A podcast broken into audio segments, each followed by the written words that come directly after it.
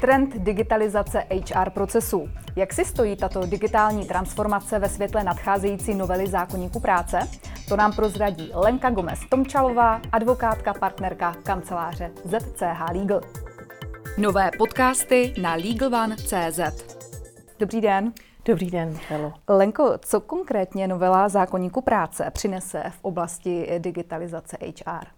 Ta připravovaná novela zákonníku práce, o které toho v posledních dnech tolik eh, slyšíme a která, eh, dá se říct, rozpoutala celou řadu takových až vášnivých diskuzí, eh, zejména ve vztahu k tomu připomínkovému řízení, které se o ní vedlo, tak přinese celou řadu změn, které jsou na poli digitalizace HR ze strany odborné veřejnosti, ale i ze strany společností velice vítány. A v podstatě e, budou se týkat primárně doručování písemností. Když, e, když to uvedu, e, tak zákonník práce v podstatě stanoví zvláštní kategorie dokumentů, o které nám říká, že tyto musí být doručeny do vlastních rukou zaměstnance. Je tomu tak proto, že samozřejmě mají pro to zaměstnance potenciálně velký sociální dopad a jsou tedy důležité jak pro zaměstnavatele, tak pro zaměstnance a zákonník práce nám velice přesně specifikuje, jak tyto dokumenty můžeme doručit a taky ve vztahu k těm jednotlivým cestám nám stanoví podmínky eh, toho, aby to doručení bylo potom považováno za účinné. Pokud to ten zaměstnavatel, protože samozřejmě více krizový vývoj to může mít pro toho zaměstnavatele.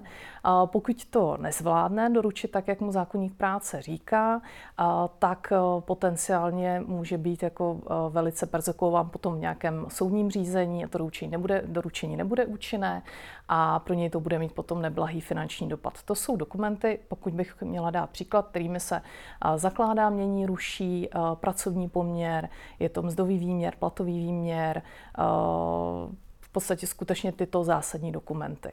No a v rámci této skupiny ta novela zákonníků v práce v podstatě způsobí, že dvoustraná právní jednání, typicky pracovní smlouva, kterými se tedy eh, zakládá, mění nebo ruší ten pracovní poměr, nebo dohody o pracích konaných eh, mimo pracovní poměr, tak nám z téhleté jako přísné škatulky vypadnou. Jo? To znamená, nebudou nadále muset být doručeny uh, tomu zaměstnanci do vlastních rukou a nám to dává větší volnost, řekněme, i v rámci toho, jakým způsobem s těmito dokumenty budeme moci pracovat elektronicky. Jo?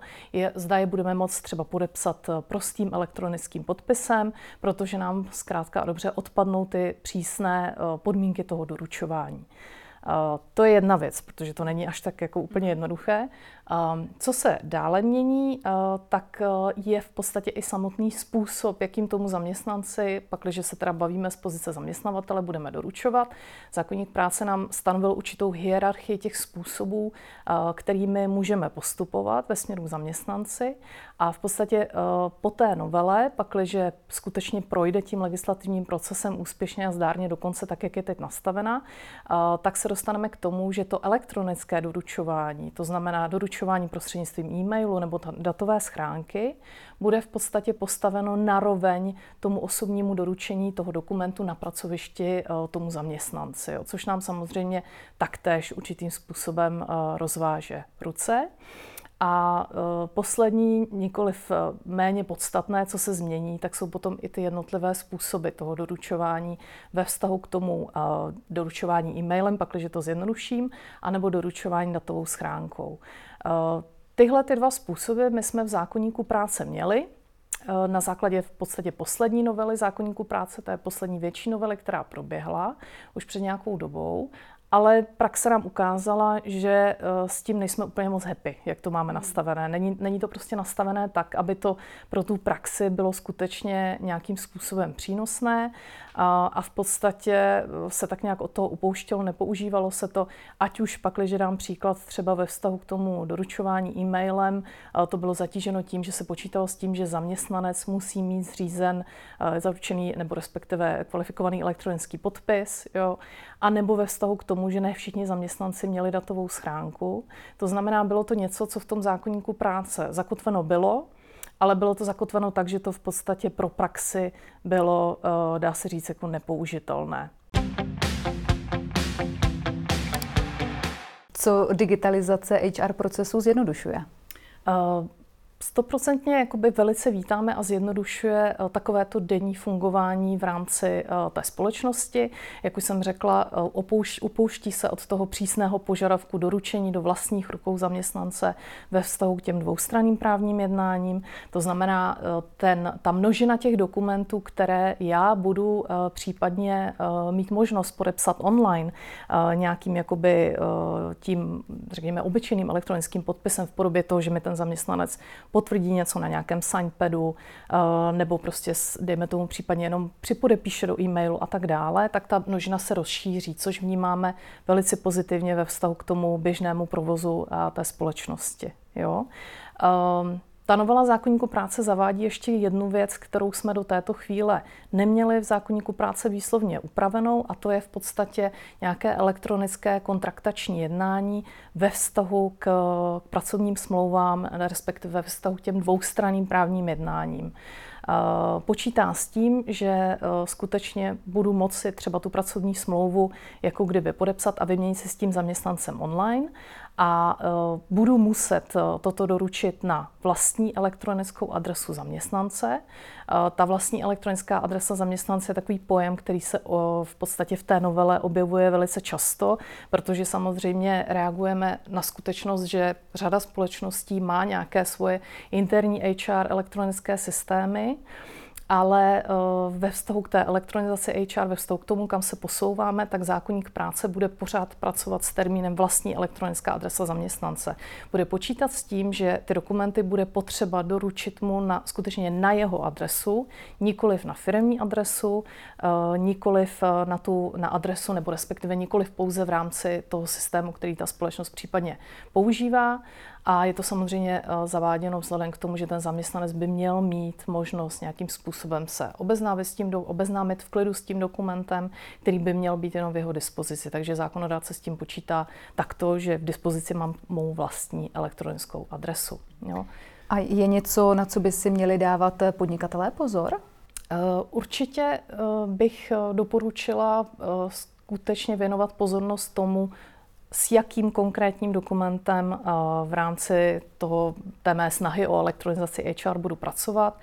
Taková ta ukončovací právní jednání, úplně to nevidím tak, že by nám ta novela zákonníku práce přinesla totální revoluci v tomto směru a dožili bychom se jakoby situací, kdy budeme jako doručovat výpověď pouze online. To skutečně, myslím si, že toto nenastane, protože víme, že zákonník práce je skutečně nastaven primárně na ochranu zaměstnanců a podobným způsobem pracují i pracovně právní soudy a ta, eh, to, co ten zaměstnavatel skutečně musí, eh, pokud mi dovolíte ten výraz, ustát, je jako skutečně, eh, skutečně hodně. Jo. To znamená, ve vztahu k tomu, k těm ukončovacím právním jednáním, tam, tam bych možná tu cestu elektronizace úplně jako nevolila.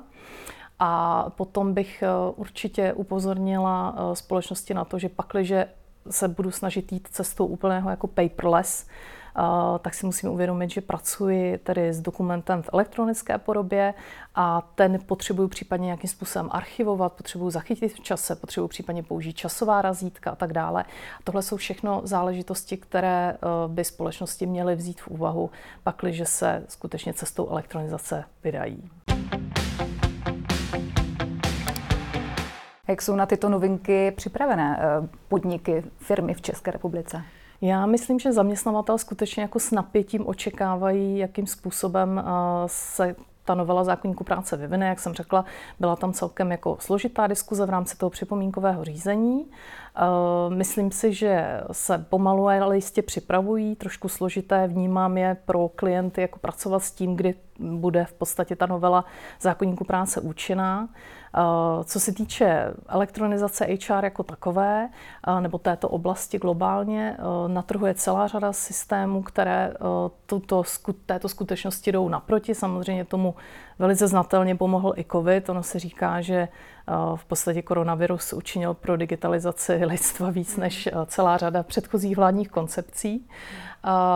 My třeba v rámci uh, kanceláře uh, spolupracujeme se systémem, který, nebo respektive se společností Pínia HR, kteří taktéž jakoby, uh, provozují systém pro totál, jako digitalizaci HR jako takové. Snažíme se přispět k tomu nějakými svými podněty, ať už jsou to podněty právní, anebo jsou to, nebo jsou to podněty jako naše uživatelské, tak aby, abychom taky jakoby učinili nějakou, nějakou, dejme tomu, dali tomu nějakou přidanou hodnotu, nikoli pouze v tom právním směru ale eh, vnímám to tak, že digitalizace nejenom HR je, je zkrátka něco, co eh, zastihne nás všechny a nemělo by se tak stát ve chvíli, kdy budeme třeba nepřipravení. Hmm. Tolik eh, advokátka Lenka Gomez. Tomčalová, děkuji vám za rozhovor. Pěkný den. Děkuji vám.